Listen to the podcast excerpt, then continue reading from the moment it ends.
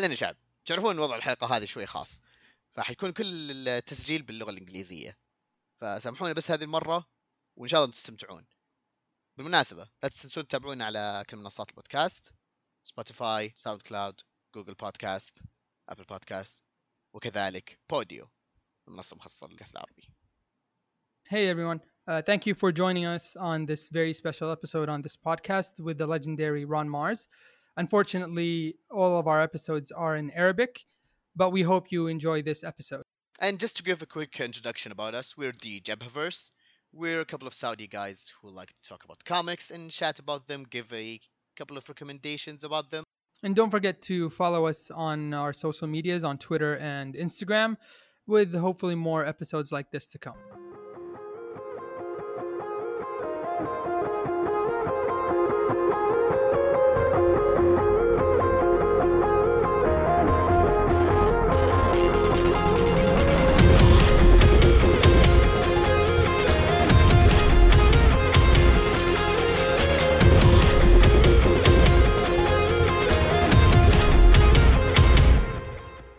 Everyone. This, uh, this is like the special episode of uh, Jabhaverse, like we mentioned before, and some of you might have guessed. Today, we bring you a special person in the special episode in this maybe legendary crossover. So, you know him from his run on Green Lantern, Silver Surfer, in addition to writing the biggest crossover in comic books history, DC versus Marvel, DC, DC versus Marvel All Access, uh, among others like uh, X Men and um, Cyberforce, I think. Yeah, Cyberforce, uh, Alien uh, Batman, and Green Lantern Aliens. The legendary Mr. Ron Marz. How are you doing, Mr. Ron? Uh, I am very well. Thanks for having me so much, guys. I appreciate it. We're very honored to have you on our podcast. Uh, like I've mentioned before, this is like uh, uh, our first time doing this interview, so uh, we're so excited. We're pumped up to start this thing. so, uh, as uh, some of our listeners maybe uh, might know, that uh, you were here last year in our uh, AnimeCon SuperCon uh, convention. So, uh, can you give us like a, a little bit uh, about your experience uh, when you were here in Riyadh? Yeah, it was it was amazing. I had a I had a wonderful time in Riyadh, um, and had obviously uh, you know I had not been to uh, I had not been to the Middle East at all. Actually, um, I think I've maybe um, I've had a stopover in Abu Dhabi, but I've never actually visited for any uh, length of time. So uh, it was it was an opportunity that came up really just a few weeks before the convention. They you know they reached out and said, "Hey, would you be interested in going?"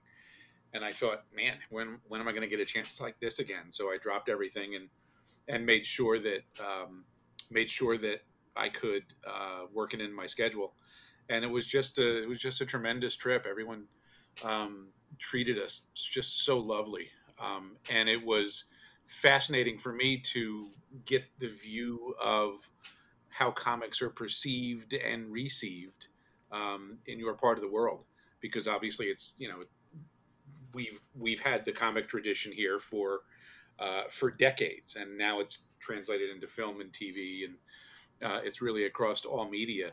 But um, I think to great extent, you guys are sort of got the TV and film first, and now the comics are starting to trickle in, right?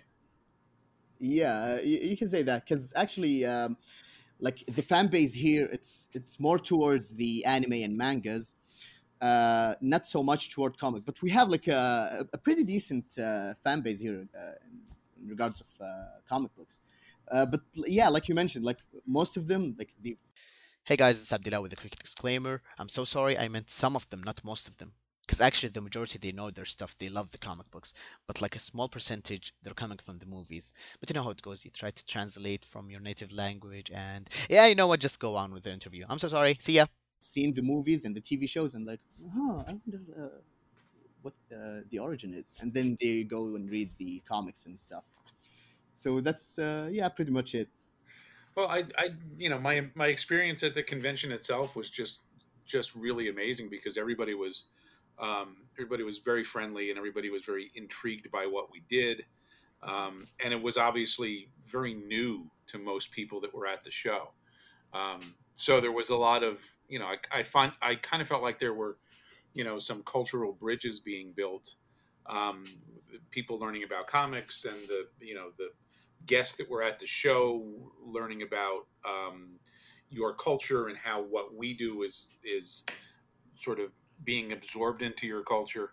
Um, just a was a tremendous trip. I, you know it was really one of the one of the last trips I was able to was able to take because obviously earlier this year the pandemic started to spread and now we're all kind of stuck where we are and uh, like uh, most of the uh, other conventions and uh, maybe other uh, events, uh, this is like our own mini event here in the podcast. So most of the stuff are online now. Well, yeah, now now everything's you know certainly now everything is you know via Zoom or Skype or Zencast or you know like everybody's we're you know we're all alone but we're all together uh, so I've been doing a lot of these kind of things for um, virtual conventions and podcasts, and I did a library show for Minnesota yesterday.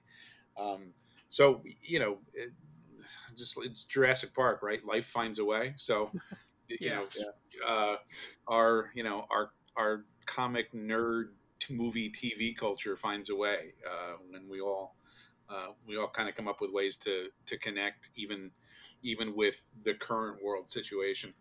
Exactly. I guess it's a it's a blessing in disguise because uh, it gave us the opportunity uh, to uh, meet you and uh, kinda meet you, I guess. and we're very glad, like we got the opportunity to uh, like sit down and talk. So, well, I would, you know, I'd much rather be doing it person in, in your country um, because I love, you know, I love the travel and I love meeting people. But um, I guess for the next little while, this is this is what we're going to have. Um, but at least, you know, at least I was able to visit uh, once, and hopefully we'll be able to do so again. Um, I was, you know, I was fascinated by everything, um, everything I saw and everything I did, and and frankly everything I ate. Um, it was a, you know, it was just a tremendous, uh, tremendous trip to see a part of the world that I had never been to before yeah, believe me, we're looking forward to it. Hopefully, when all of this all of this is done, uh, we'll uh, have you back again for Would sure. Love to. So I have my friend Aziz here in the podcast, and also our friend Khalid from Comic Pod. I believe they're uh, ready to uh, get in with the uh, heavy stuff. Let's say. So uh, let's talk about some of your books, Khalid actually all of us are big fans of uh, sci-fi books. Um, so Khalid, uh, I think you got some questions uh, for. Uh, uh, yeah, you, you, you wrote some of the Super, Superman uh, some some of Superman books, so I wanted to ask you, what was it like writing the character for you? Um, I you know he's he's the original, right? I mean, it yeah. doesn't. Um, to me, there's no look. There, there are certainly characters I enjoy writing, and, I, and characters that I've, uh, I've you know, written more. Um, mm. But anytime you get to write him, it's it's to me, uh, you know, a real gift. Um, I, I think there's there's still something very noble and honorable and um, something to aspire to mm. when you get to write him. Um, and you know, because of the power level you're dealing with, it's um, it's sometimes difficult to come up with a story that that uh, really pushes him to his limits. But um, I've done it enough, and um, hope to do so again in the future. Uh, that you know, like every time is just to me something to me something special because that's that's where it all started, um, and it's a uh, obviously, you know, he's a literary icon around the world. I mean, the fact that that you and I are having the discussion um, about the character, I think, is is awesomely cool. Yeah. To, to follow up with that question, uh, does Superman mean uh, mean anything to you uh, personally? Does it have uh, something special uh, for you? Well, I think um, I, I think just you know Superman as kind of this noble figure uh, is is still valid to me. It still works, even in Mm. in what is obviously a much more cynical time in which we live now. Um, and uh, I, I one of the things that attracts me about Superman is that um, he is not one of us. He is um, he is an alien. He is Yeah. not. Uh, he's not human in that sense, even though he was, you know, raised from a baby, just like the rest of us. Yeah. Um, he is ultimately not one of us, but he is the best of us. Uh, I think that's a, I think that's a lovely message that um, anybody can aspire to.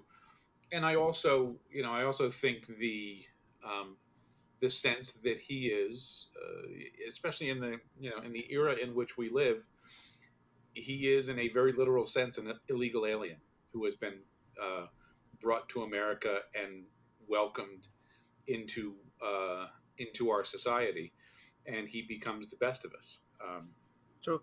I think that's a, I think that's a powerful metaphor for um, kind of the the brotherhood of man and and uh, and the the good aspects of America, the welcoming aspects of America that I think we have lost to a certain extent and need to get back to. Cool. Yeah, and I guess that s- some some readers might not understand this point. Like you know, like you know, oh, Batman is better than Superman. Oh, uh, Superman can't do this. But uh, like the way you described it, it's it's way on point because he's like an alien. He's not uh, from our world, but he's like more human than the other characters. Yeah, he is. Um, he he is never going to be one of us. I think in the in the there's a certain sadness, and certainly the way that I try to uh, write Superman is um, not much not much physical can hurt him. Right? Not the- there's True. he has to go up against huge, you know, sort of earth-shaking villains to be in a real fight. So I want to make sure that there's an emotional life to Superman when I write him. That um, that that's the stuff that he wrestles with. That's the you know the the inner turmoil that he has. Even though you don't see it, you know the rest of the world doesn't see Superman's inner turmoil, but he is ultimately um, the last of his kind, uh, and he is an orphan. Uh, his his he never knew his parents. Uh, uh, his his birth parents, obviously, he was you know, he was raised in the in the you know in the mid Midwest of America and has the, has those values instilled in him. Um, but I think there's a certain sadness to the character that you have to touch upon once in a while, or he becomes too much like an all powerful god. Cool. Exactly. Uh, okay, uh, I I read your uh, one of my favorite uh, Superman issues uh, you, that you wrote. It's the Superman Secret Files and Origins. Uh, that issue with with, with Doctor Hamilton uh, uh, fixing the robot, the robot Superman, who, who Oh, was uh, yeah that that issue was was very special to me. I have not thought of that issue in years. That's very cool. Yeah, I, I- I reread it uh, recently to, to refresh my memory uh, for the interview. Uh, and to- what's what's special about that uh, issue is that you described Sup- Superman in a way that is I, I, I, I always love love it uh, this way. Uh, when Superman is uh, spiritually uh, spiritually uh, around, but he's not around, and how how how uh, inspiring is Superman uh, for all, uh, for the for people, even for uh, scientists like Hamilton. Well, it's you know uh, obviously part of that was you know playing into the old you know 1950s Superman comics where there was um, where there was you know very kind of goofy fun stories that I think are very emblematic of 1950s America and Yeah. and they're great even if they're you know they seem kind of um, goofy now but um, you know back then this was just entertainment for you know 10 year olds and they ate it up so the the superman robots and all of those uh, uh, really kind of fanciful stories that they did in that era i think if you can you know I, I have when i've written superman i've tried to bring a little bit of that into it even in the you know even just in the background and the subtext of what the story is um, because i you know one of the reasons i'm so attracted to superman and and really batman too is that they you know these are literary icons who have been around for 80 years now. Um, and uh, obviously they've withstood the test of time.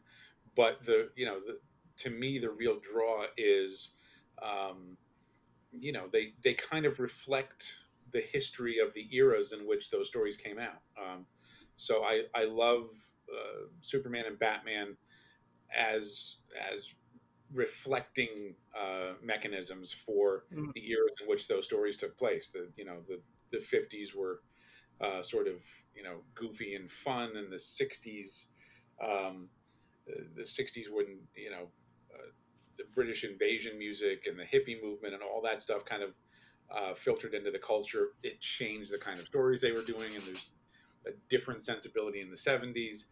Um, it's it's uh, I, I love to to look at those characters as as a mirror in which we see ourselves through the years.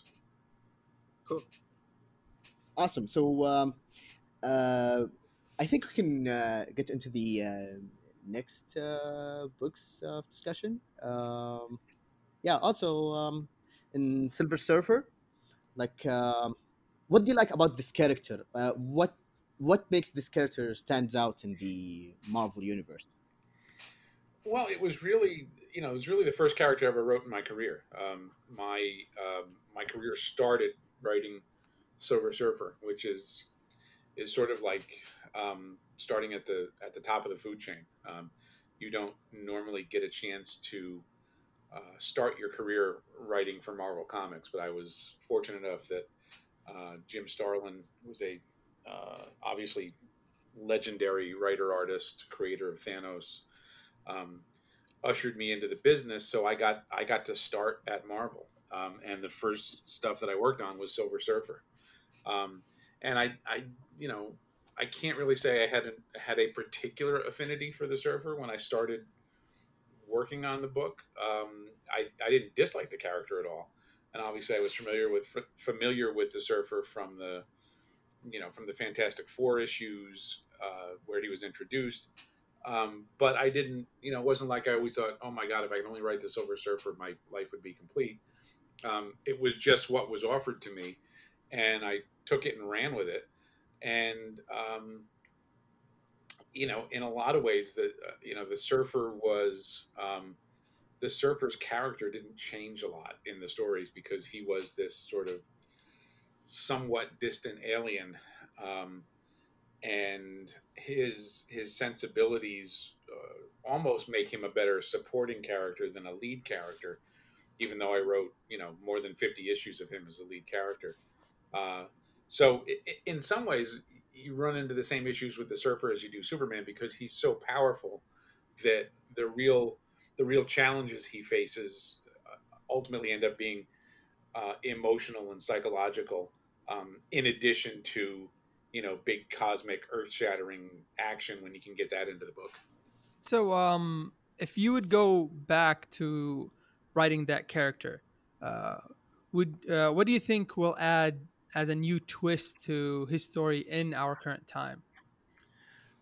um you know after writing 50 plus issues of the surfer i really i really became uh, i really became aware that i felt like he worked better as a character that you kept your distance from as the reader. Um, uh, like I said, he's almost he's almost a better secondary character than he is a lead character, um, which means he can still lead his own book, but you just um, you want you want a, a different point of view character than him, so that you can keep him a little more distant and a little more alien.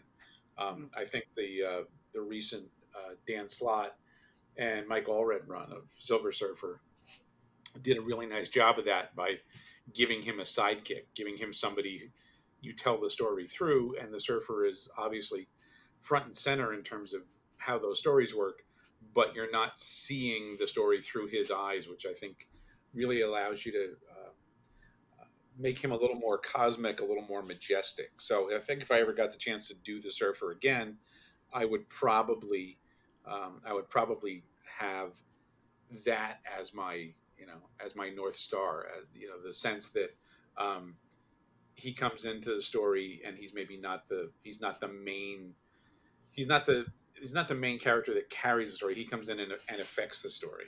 Mhm. Um, that uh, you know that that sensibility of being an alien and being a little remote um, really works so well with him. And in some ways, it's kind of like Batman. Um, uh, I I never want to be inside Batman's head because I want him to be sort of remote and scary. So when I've written Batman, I've always tried to maintain that distance. That's a that's an interesting uh, way to look at writing these characters. Well, some characters you feel like, um, some characters you- feel like are you. You know, when I wrote Green Lantern and we created Kyle Rayner, um, we wanted we wanted the reader to feel like, you know, that that could be me starring in that book. That you know, this is just a regular guy. Um, and some characters you you end up maintaining a a healthy um, dramatic distance from because they work better if you if you don't see yourselves and see yourself in them. You know, Batman, Silver Surfer. Um, I think I think Superman's a much better point of view character than Batman because Superman, even though he's he's the best of us, he's the most powerful of us. Um, he's still, you know, even though he's an alien, he still sort of represents the uh, the best traits of humanity, and I think people want to be able to see themselves in that. Um, I don't know that anybody wants to see themselves in in the in the kind of um, driven, vengeful mindset that Batman brings to Mhm. uh, to what he does every time every time he puts on the costume. Right. Uh, so I think Khalid, uh, you wanted to ask something about um, Silver Surfer Dangerous Artifacts. Yeah, I recently read the the one shot. Uh, uh, I thought it was interesting, and uh, uh, would you would you uh, uh, write a, a sequel to that story if you had the chance? Uh, I would I would love to do another uh, surfer story like that. Um, that is obviously one of the best art jobs I've ever been involved in. Um, yeah, the art, the art was very was very it was very cool.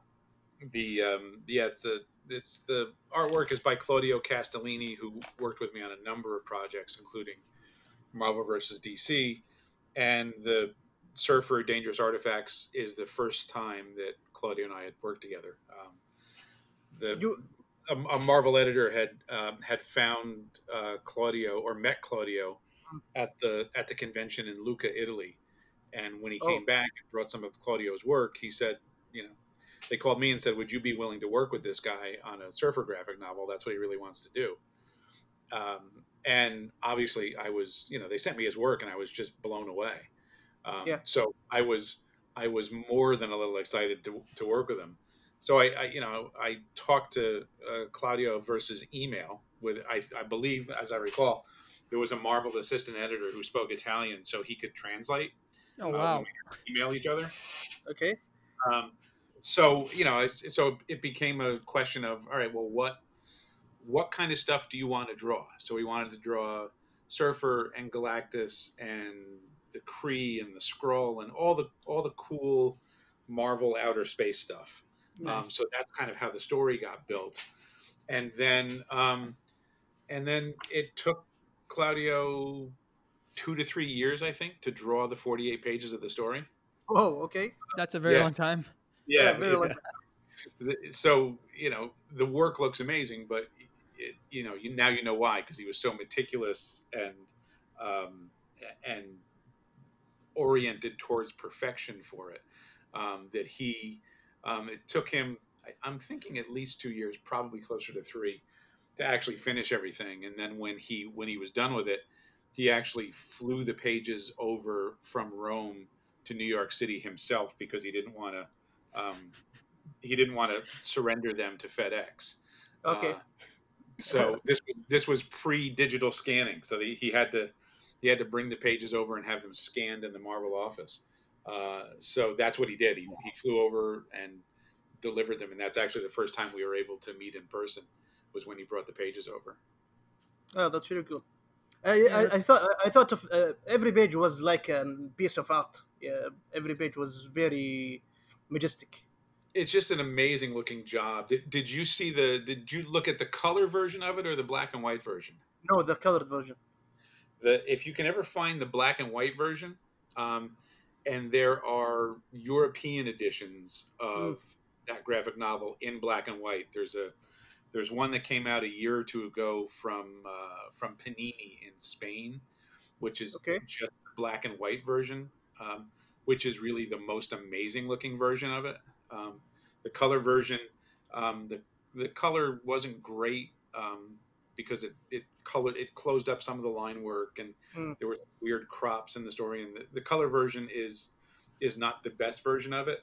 So if you ever come across a black and white version of it, and I think there was one in Germany, one in Italy, one in France, and then this new Spanish one that was shot from the original art. Um, it's just amazing. It's the most breathtaking um, piece of art that I've ever been involved in, and um, it's it, it's just stellar. So I, I'm really hoping that at some point here in the U.S., um, maybe maybe if and when the the surfer actually winds up in a movie, um, Mm.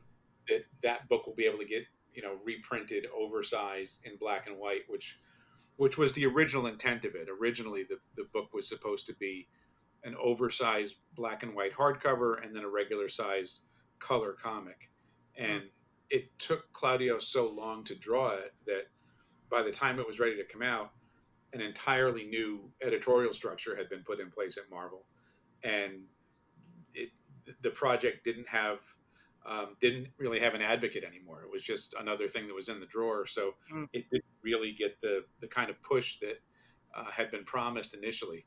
So it's one of those hidden gems that's sort of disappeared when it came out. But um, every every time I do a signing, I sign at least one or two of them because people find them, and uh, it's kind of this secret handshake comic that you know if if you you know if you, if you know about it if you're on the inside and you sort of have heard of this amazing art job people seek it out Well, I guess Yeah. we're, we're going to be looking forward to uh, getting that book. uh, Hopefully, the Spanish version, the black and white one, because from the sounds of it, you, you just make it sound like it's beautiful.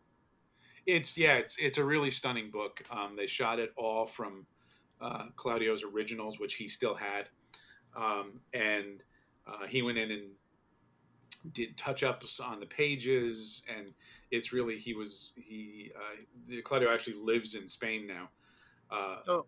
so uh, it was you know it was he was very involved in it and um, he you know this this was the you know sort of the work of his lifetime uh, so he finally got to see it put out in the format that he was uh, that he had been initially promised uh, even though it took you know like 20 years So, um, I guess uh, going back a little bit in the past, in I think 1994, uh, yourself and Bill Win- Bill Winningham is that how you say his name? Because I'm sorry if we butcher his name. yeah bill Uh, willingham Bill Willingham uh, did a legendary run on Green Lantern that really uh, reinvigorated Green Lantern stories. And as a uh, reader who really loves Green Lantern, especially Kyle Rayner, I know you maybe have answered this question, but we also got a question about it.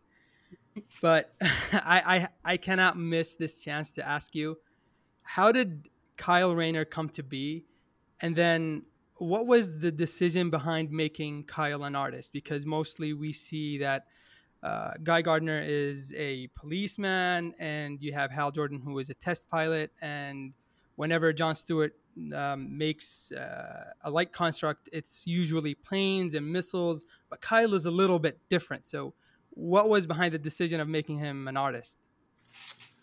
Um, well, when I was hired to do Green Lantern, the the the marching orders were okay. We're gonna, you know, Hal Jordan's not gonna be the star of the book anymore.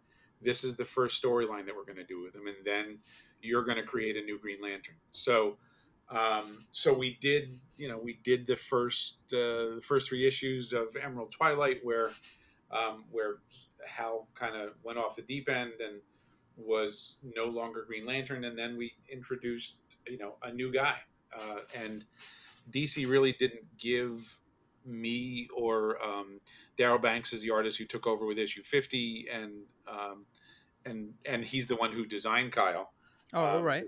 designed his look and the the costume and all that stuff.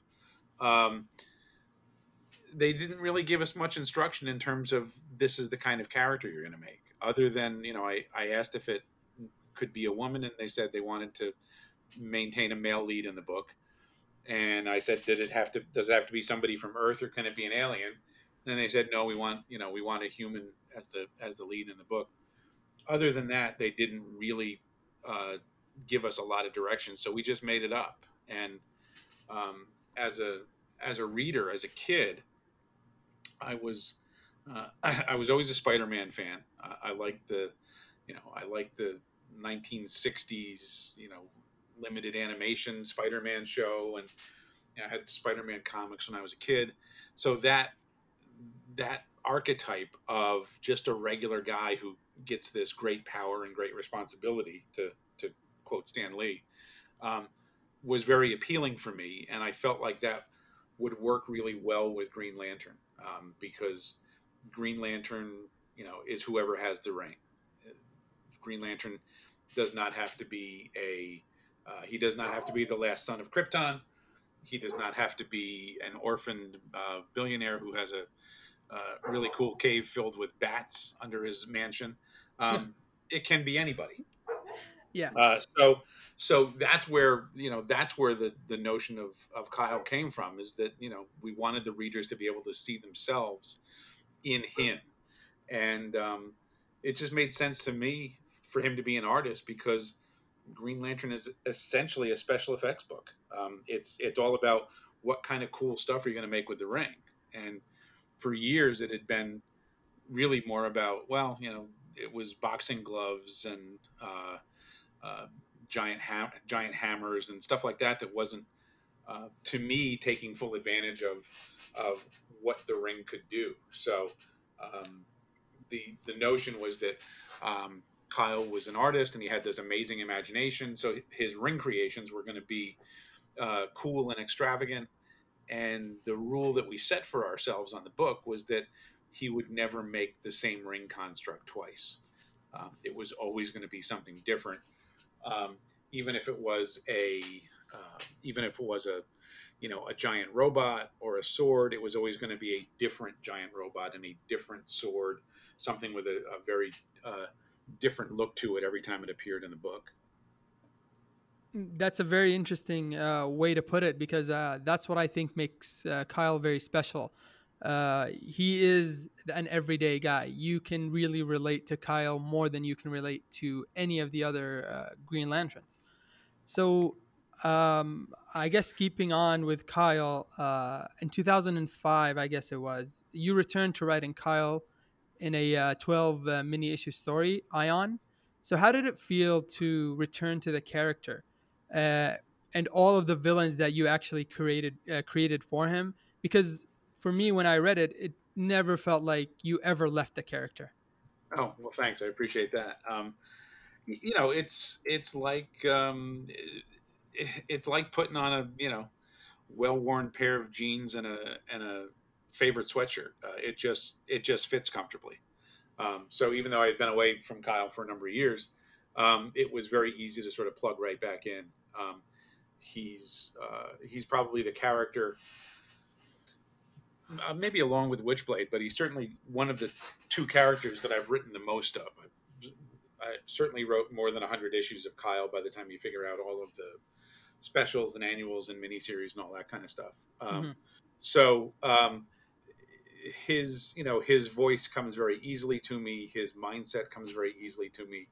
Um, he I, and i think that's easier when you create a character rather than taking over someone else's creation. It just seems like um, it seems like you have a greater sense of ownership of that character and can plug back into him uh, more easily. So you know ion was a little bit different uh, was a little bit different in terms of his power set and and you know the character had evolved in one direction um, in in that sense. Um, but it was you know it was still the same guy. It was still hopefully the same relatable character that we had introduced uh, in the mid '90s. Yeah, and also what I noticed in uh, that same story, uh, there was kind of hints of making Kyle susceptible to controlling all of the emotional spectrum. So I'm guessing. Uh, so I'm asking, sorry, was that something intentional that uh, you've been told to put into the book, or was that just like happenstance? Uh, It was really just happenstance. Um, obviously, when you when you're working in a shared universe, and everybody sort of has um, everybody sort of has their hands on everybody else's characters. Uh, you know, it really comes down to uh, comes down to editorial to sort of maintain the overall sense of where they want the characters to go. So, um, so you know, even though character uh, Kyle was a character that I had uh, co-created and um, wouldn't wouldn't really exist if I hadn't um, brought him into this world. Um, he's still DC's, and ultimately DC figures out how they how they want you to play with their toys, uh, and that's fine. Uh, so sometimes you you know you hint at stuff that you know somebody else is going to pick up down the road. Um, again, that's all just part and parcel of working in a shared universe, and you know that going in. You know that that's going to be um, that's going to be the way it works uh, when you when you write for Marvel or DC. Um, you're not the final arbiter of what happens, and you have to be okay with that. Right. Yeah. It, it does feel uh, really special to have Kyle be that special uh, Green Lantern who actually has more powers to him and actually is way more creative compared to the uh, other, I want to say five now Green Lanterns or Earth Green Lanterns. Also, recently, I think it was a month ago, uh, the 80th anniversary uh, story came out, and you had one with Kyle and I really, really enjoyed that story. So I'm guessing my question is, uh, where did that story come from of him going just into a warehouse to get the stuff, and where you see Guy Gardner's Warriors uh, logo over there, and you're like, oh wow, this brings me back to so many older stuff that I did not know that I remember. well, you know, DC DC got in touch and asked me to participate in the 80th anniversary special, which was awesome, and I was, you know, I was totally all for it. Um, and you know, the, really the only instructions on um, how to um, how to sort of take take on um,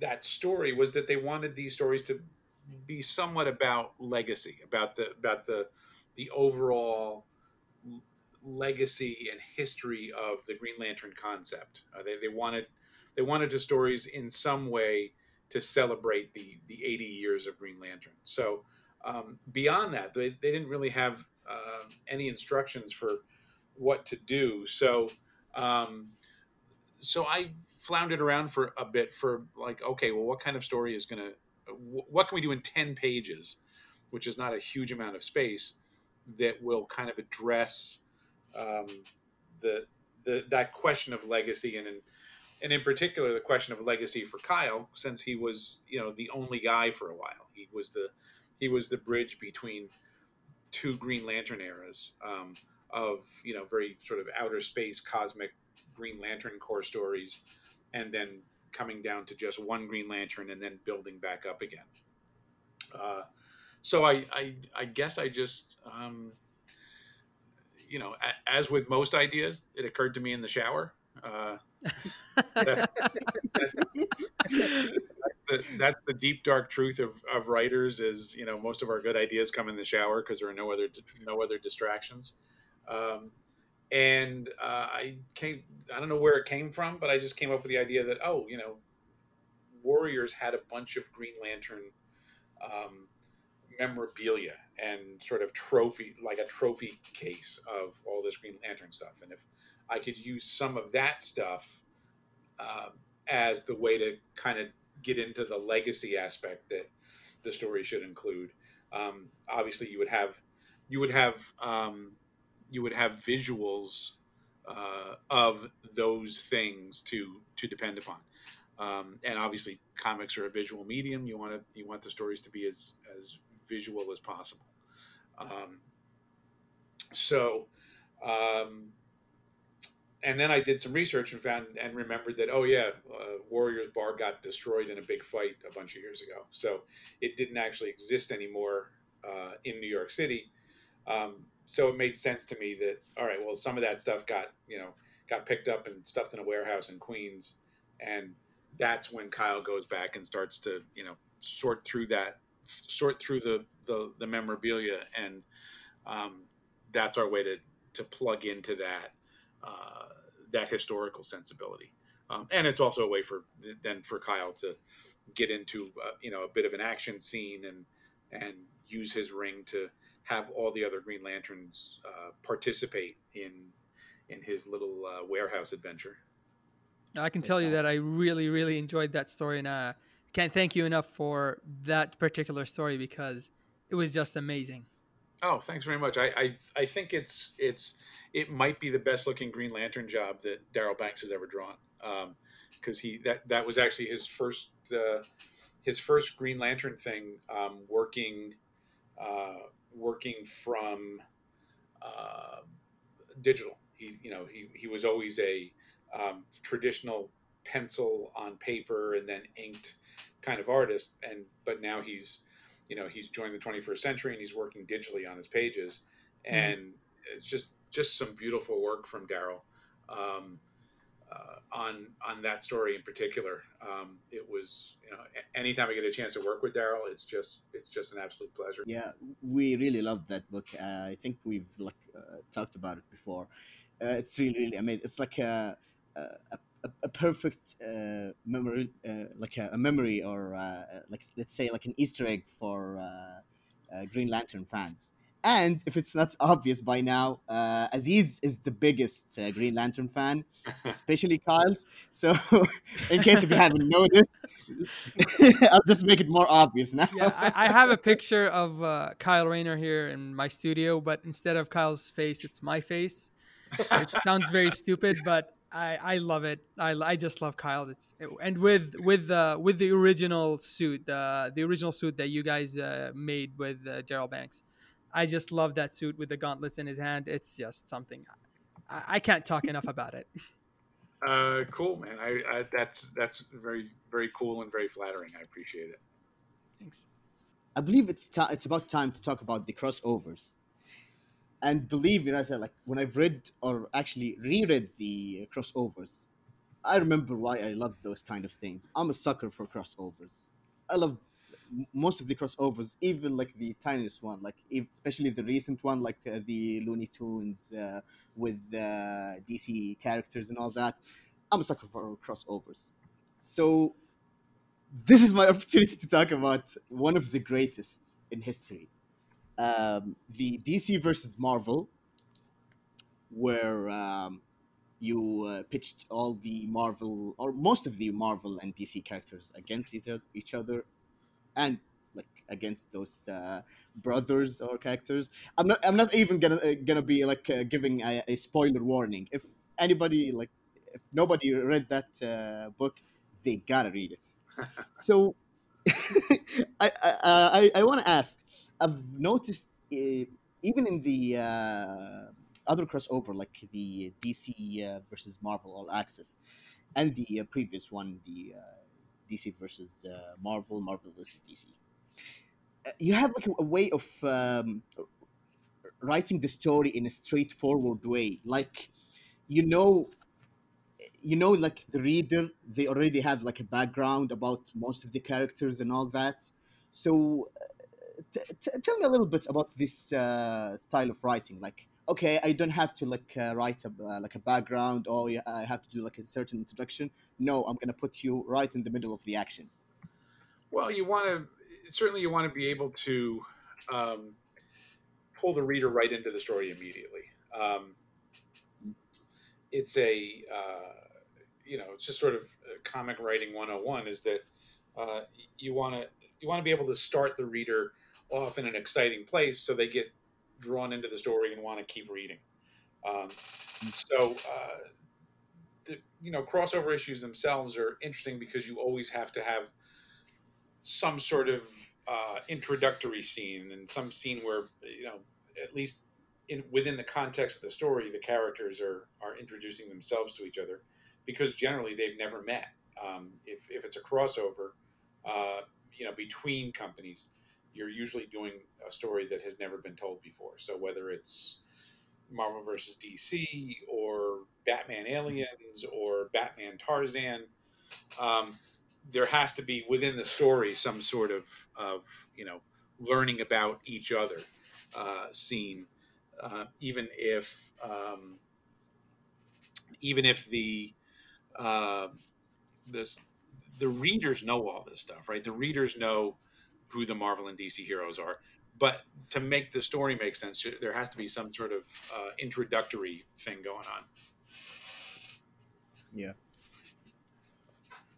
So, um, like in the same story, uh, there were like uh, a, voting system that you started in the first issue, I believe. Um, did those votes uh, in the battles uh, between the characters, uh, did they play a major outcome in the story? Yeah, the voting, you know, the the five battles that readers voted on, um, which were, let me see if I can remember them: Captain America versus Batman, uh, Yeah. Storm versus Wonder Woman, Yep.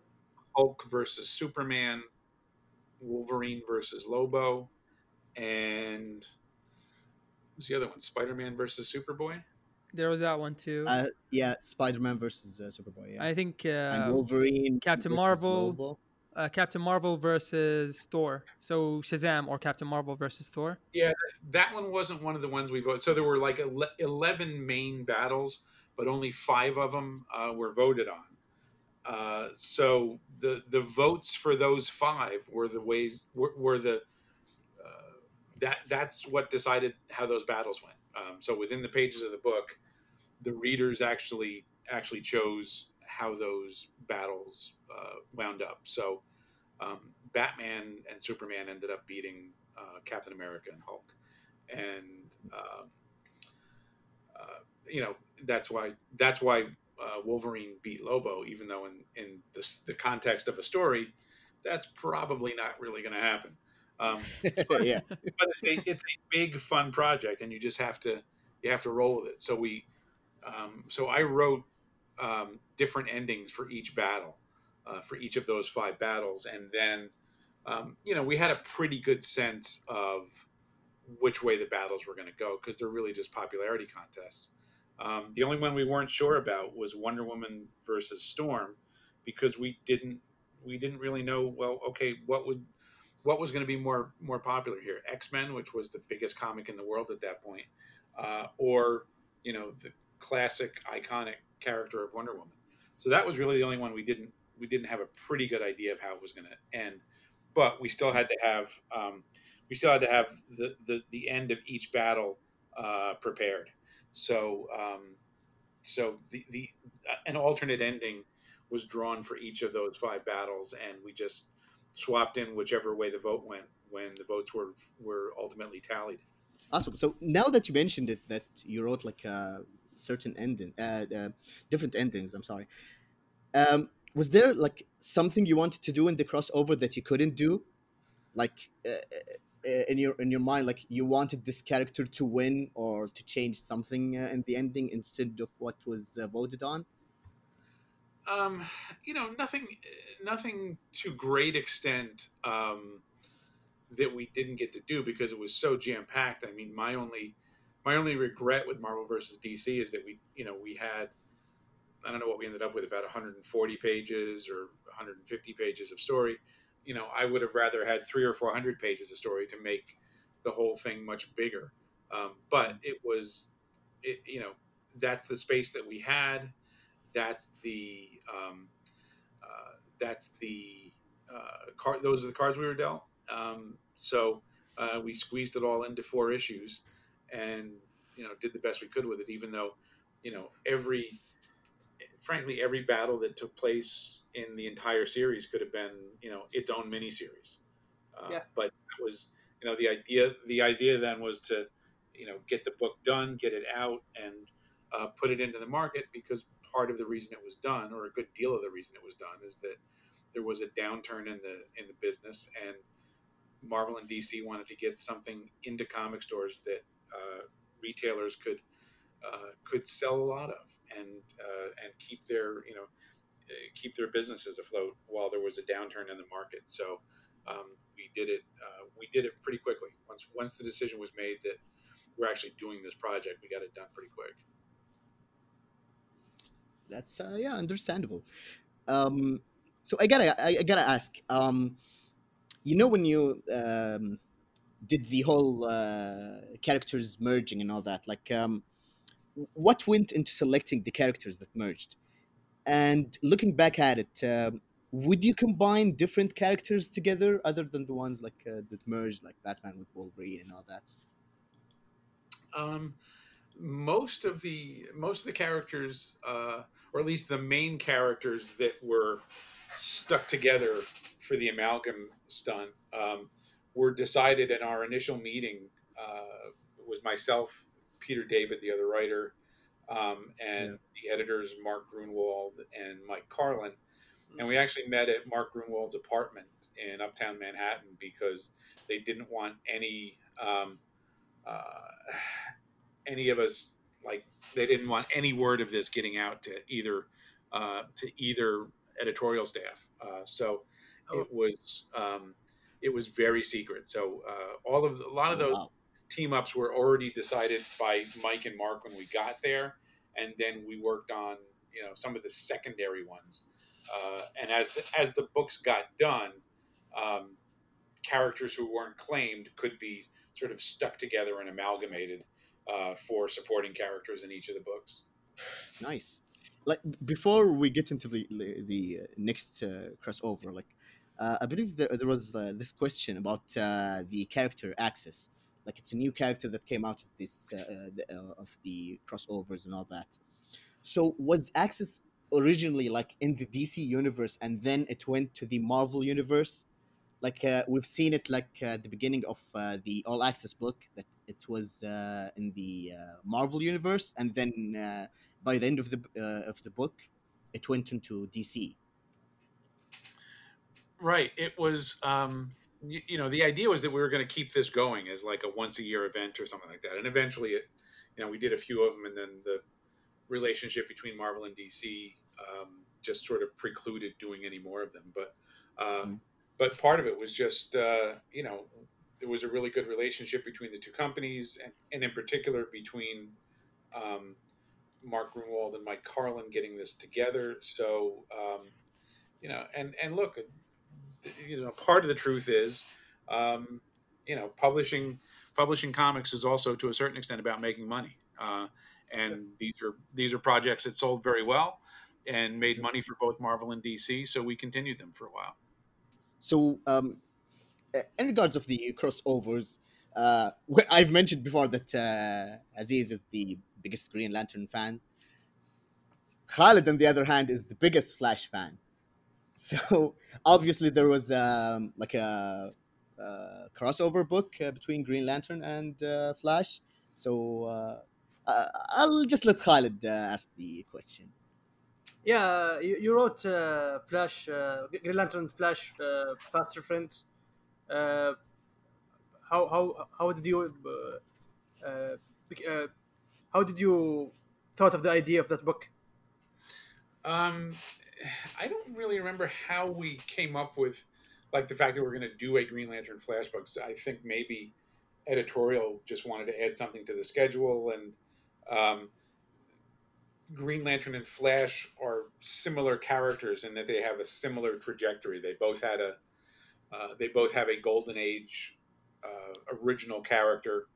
For Green Lantern, it's Alan Scott, and for um, for the Flash, it's Jay Garrick, and then a Silver Age reboot. You know, Barry Allen and Hal Jordan, Jordan, and then there was a modern age legacy version, Wally West for the Flash and Kyle for Green Lantern.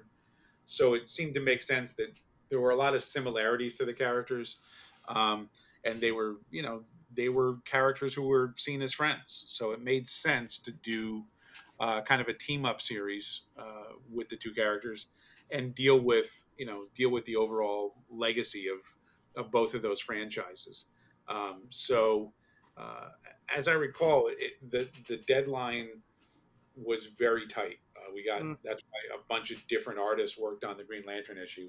Is the deadline was um, really kind of impossible when we started on the book, and um, there was supposed to be one artist on the whole thing, but it didn't get started in time. There was a lot of fooling around, and so we ended up with a many hands job, which I think in some ways kind of worked because I segmented the story into chapters. Mm. Um, so it's still a you know it's still a, a, fun book that I you know I look back on fondly.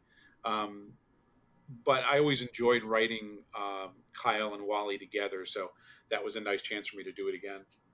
Yeah, I'm a, I'm a big fan of Spider-Man, so I see Flash uh, also uh, as a similar character to Spider-Man.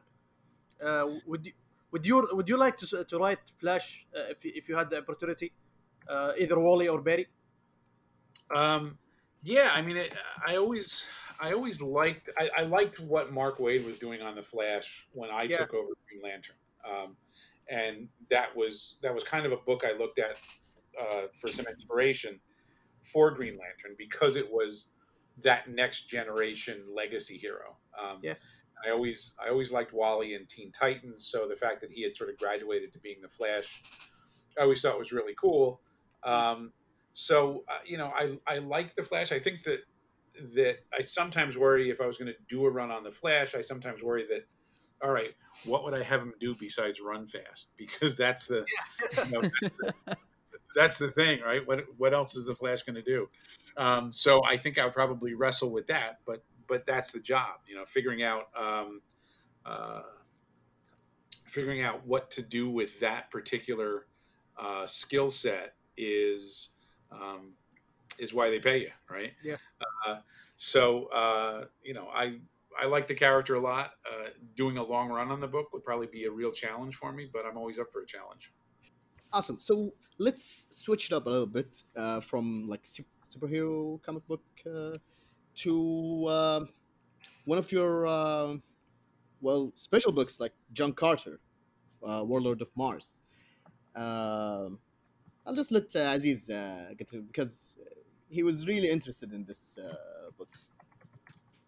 So um, when I was looking into you know John Carter books after seeing the movies uh, and this was a while back. I didn't find I found like a lot of comics, but they weren't really uh, accessible. But then I guess in 2008, um, something just reminded me of John Carter, and I was like, uh, sorry, 2018. Something reminded me of John Carter, and I was like, oh, let me let me look around and see if there's any other like newer comics. And I found one by you, which is which was written in 2014. So I'm guessing how, how did you uh, land the project, especially that uh, John Carter as uh, the books are really um, an open domain, but not really all of them. So I'm guessing, like, how did that work out? So when I grew up, I was a huge fan of of uh, everything that Edgar Rice Burroughs wrote, but in particular uh, Tarzan and John Carter. Um, those characters really should be public domain now um, because of when they were initially introduced. Uh, you know, it's been uh, more than 100 years for each of them. But it's a bit of a gray area because there have been comic adaptations and the you know character names have been trademarked copyrighted and it's uh, it's it's always a little hazy. You know i guess you would be within your rights to just you know do a tarzan comic or a john carter comic just like you could do a um, you know three musketeers comic or or a sherlock holmes comic because um, copyright doesn't really protect the characters anymore. Um, but because I've you know I've done work with the Edgar Rice Burroughs estate and still do some comic strips for them, um, we wanted to make sure that these were you know official and licensed and all that kind of stuff. So um, when I got my chance to get my hands on John Carter uh, when Dynamite was uh, was going to relaunch the series, I was just absolutely thrilled. Um, it's a it was very much a bucket list item for me. It was a it was a character that, that I had always wanted to write. Um, reading the John Carter novels was one of the things that made me want to be a writer. So the fact that I got to um, to you know put words in John Carter's mouth and uh, put words in Dejah Thoris's mouth and have a bunch of uh, you know four-armed Tharks running around in the stories, I was just I was just thrilled the entire time. Um, so uh, and I you know I kind of got to uh, I, I, don't I don't know that John Carter will ever be out of my system, but I got to do a good chunk of issues and tell the stories that I wanted to tell. Um, and I would happily go back and do more, but um, I feel very fortunate that I got to I got to scratch that particular itch. And so uh, one of our uh, uh listeners actually was going to ask uh, about if there will be a continuation of it, but sounding from it there isn't something in the works right now. Um, uh, I I honestly don't know. All right. Um, so I guess we can go into the most recent uh, book, which is uh, Beasts of the Black Hand. Um, I honestly did not know about it, but when you mentioned it in when you were on um, on Maher's uh, live stream on Instagram, I had to go and read it, and I was really thrilled. The only issue I had with it was that it was too short. I wanted it to be Uh-huh, longer. Uh, thankfully for you, we're working on the sequel right now. Uh, which Oh, I'm good. very happy about. Um, thanks. Beasts, uh, Beasts of the Black Hand is a is a original graphic novel that I wrote. Uh, Matthew Dow Smith uh, illustrated it, and it's all from concepts and characters that our friend Paul Harding, who is an amazing sculptor, uh, came up with. And um, it's you know it, it takes a little bit to explain because it's it's our world after World War One. Um, but it's not our world in that there's kind of diesel punk technology Mhm. and there's sorcery. Um, so it's it's our world, but with some cool tech and some really cool monsters in it. Um, and uh, this, you know, it's a project that um, we we did through Ominous Press, which is the publishing company that I'm part of. And uh, this was really just a case of being able to make uh, make up stories and make comics with your friends. Because um, actually when we started beast of the black hand volume one um, paul and matt and i all lived within 30 minutes of each other. Um, and and paul and i still live within 30 minutes of each other. Um, matt has since moved to washington d.c because he got married. Um, but you know it was you know, it was a great project because it's just like you're just making up stuff with your with your buddies um, you, and you can uh, uh, you know, you can go out and, and grab a bite to eat and talk about the story, and um, it's it's a very organic process like that. And there's, you know, I think, to me, those are some of the most creative uh, times that you have is when you're just making stuff up, and there's no, you know, there's no one looking over your shoulder. There's no one telling you that it's right or wrong. Uh, you're just kind of following wherever the muse leads you. So. Um, so we did the first one as a as a uh, oversized hardcover, and uh, as well as digital, of course. And now the the Kickstarter for the second one is has about two weeks left, I think. So assuming we can make our goal, there will be a second volume uh, of Beast of the Black Hand out by hopefully I would think the end of the year. Um, Matt's already drawn a you know a chunk of pages, and I'm and I'm knee deep in working on the second script right now. Uh, so this the second volume continues the story, and um, uh, you know there's there's a few more characters. There's a lot more monsters. Um, it's a little darker than the first one, um, so it's a uh, it's it's really a labor of love. We we just uh, would do these books. Uh, we would do these books for the rest of our lives if there's an audience for them. Yeah, and it really shows this. Uh, this book is really fun to read. So um, I have to ask this: uh, Are we going to get into the origins of the Black Hand in the second volume, or is that something kept for later? Um, we're gonna, you know, we're gonna see a bit of it, but we want, uh, you know, one of one of the advantages of having mysterious villains is that you can keep them mysterious. Um, uh, so the the two the two sort of main villains, uh, or the the over the overriding villains of uh, Likho and Koschei um, in uh, in the story are actually you know uh, folklore figures from Eastern Europe. hmm Uh, and and most of the other characters, um, most of the other characters are uh, actual people. Um, Oswald Rayner, who was kind of the star of the book, was a real British secret agent. Um, Oh wow! he is he is uh, he is believed to be the person who actually did kill Rasputin. So um, that scene that opens the that opens volume one, uh, we think is pretty close to how Rasputin was actually assassinated. Um, Oh wow! I, I did not is- know that. that Oh, is that's cool. that's the real that's the, the room that we set that in in that palace is the room that uh, it's believed Rasputin was killed in, and the fact that he was wrapped in a carpet and thrown into the river is real. Um, so uh, Rasputin is obviously a real person. Oswald Rayner was a real person. Uh, Maria Rasputin, who was Rasputin's daughter, who was the villain in the first volume, she's Mhm. a real person. Um, uh, Biffy Dunderdale, who is Oswald Rayner's sidekick in the book, Yeah. um, he is a real person. He was a he was a real British secret agent. He was um, one of the people that uh, Ian Fleming used to base James Bond on. Uh, so uh, Biffy is sort of proto James Bond, and um, Henry Johnson, who is uh, also appears in Volume One and Volume Two, of course, uh, is a real uh, American World War One hero, and he actually lived part of his life um, in Albany, New York, which is near where I live. Um, I, in fact, I, I just drove past Henry Johnson Boulevard yesterday.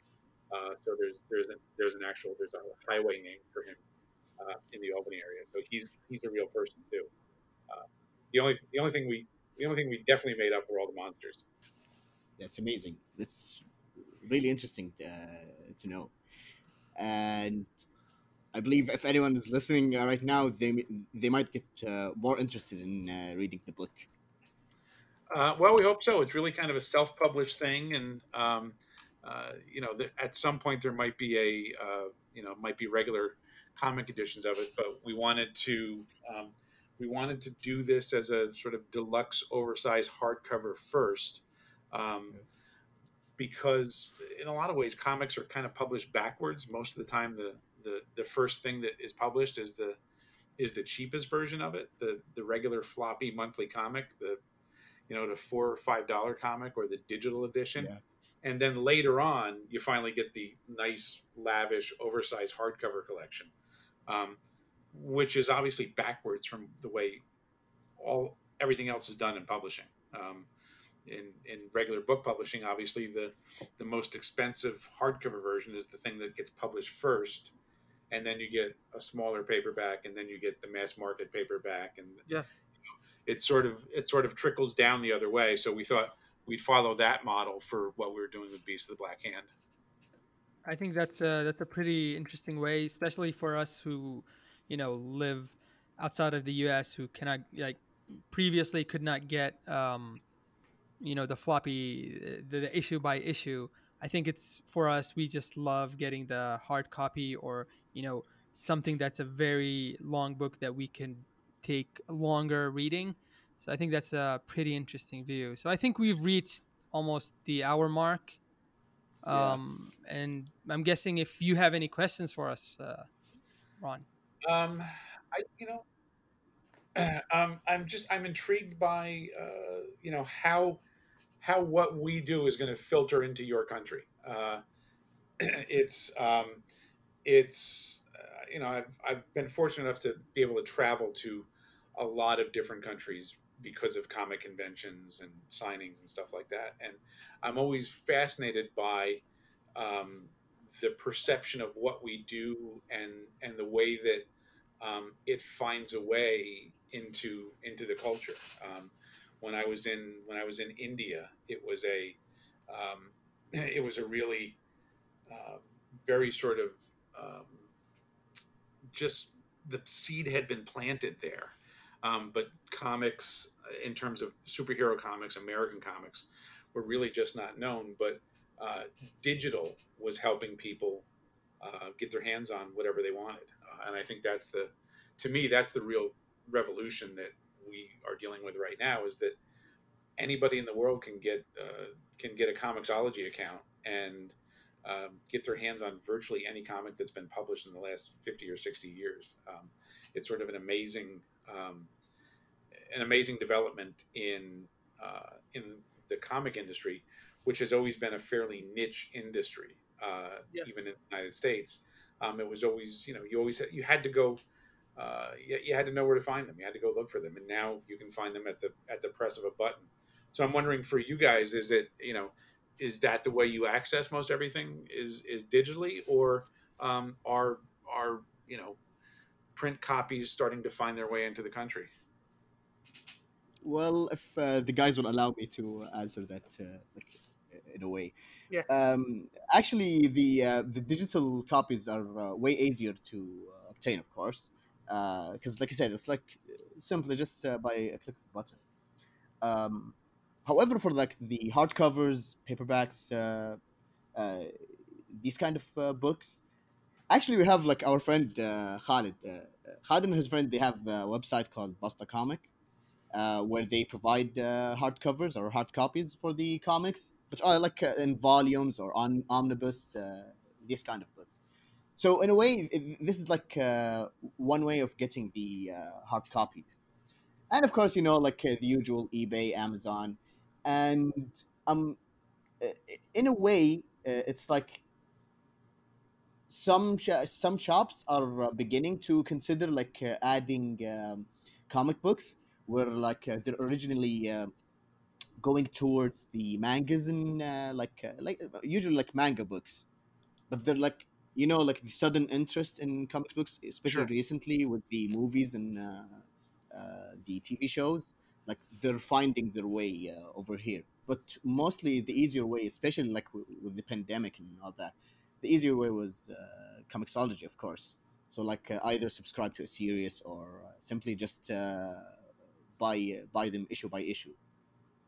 Yeah, and in, in addition to having American comics, that also opened up um, a new wave of uh, Saudi uh, comic book writers and artists. So there's a couple of uh, Saudi comic book writers, and they sell their books in a in, in bookstores, or you can find them online for free, which is really amazing for us. It it helped us, you know, uh, get to newer audiences, and it also helped. Um, uh, how can I say this? Uh, it really helped us, you know, understand how we ourselves can write comics now, and we don't have to worry about publishing as it was before. Now anyone can read this comic. If you're in America, you can open up this uh, site. Uh, whoever wrote the comic, they'll make it for free, and you can read it, which is really, really amazing.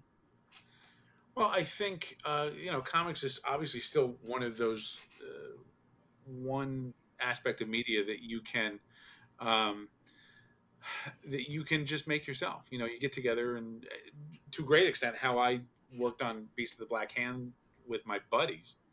Um, that's what you can do anywhere in the world, and, and make your comic and put it online and put in front put it in front of a worldwide audience. So. Um, comics are such a do-it-yourself kind of uh, kind of process that um, I think it's really awesome that um, that a, that in a place where comics didn't really exist not that long ago, that now you guys are making them yourselves uh, because um, really all you need is a you know is a piece of paper and a pencil when you get right down to it. Uh, you know, and hopefully have a scanner to you know put it online. But it's it's a very um, it's a very quick, direct line to the reader uh, when you make a comic. You can you can get your stuff in front of uh, anybody who wants to find it very quickly.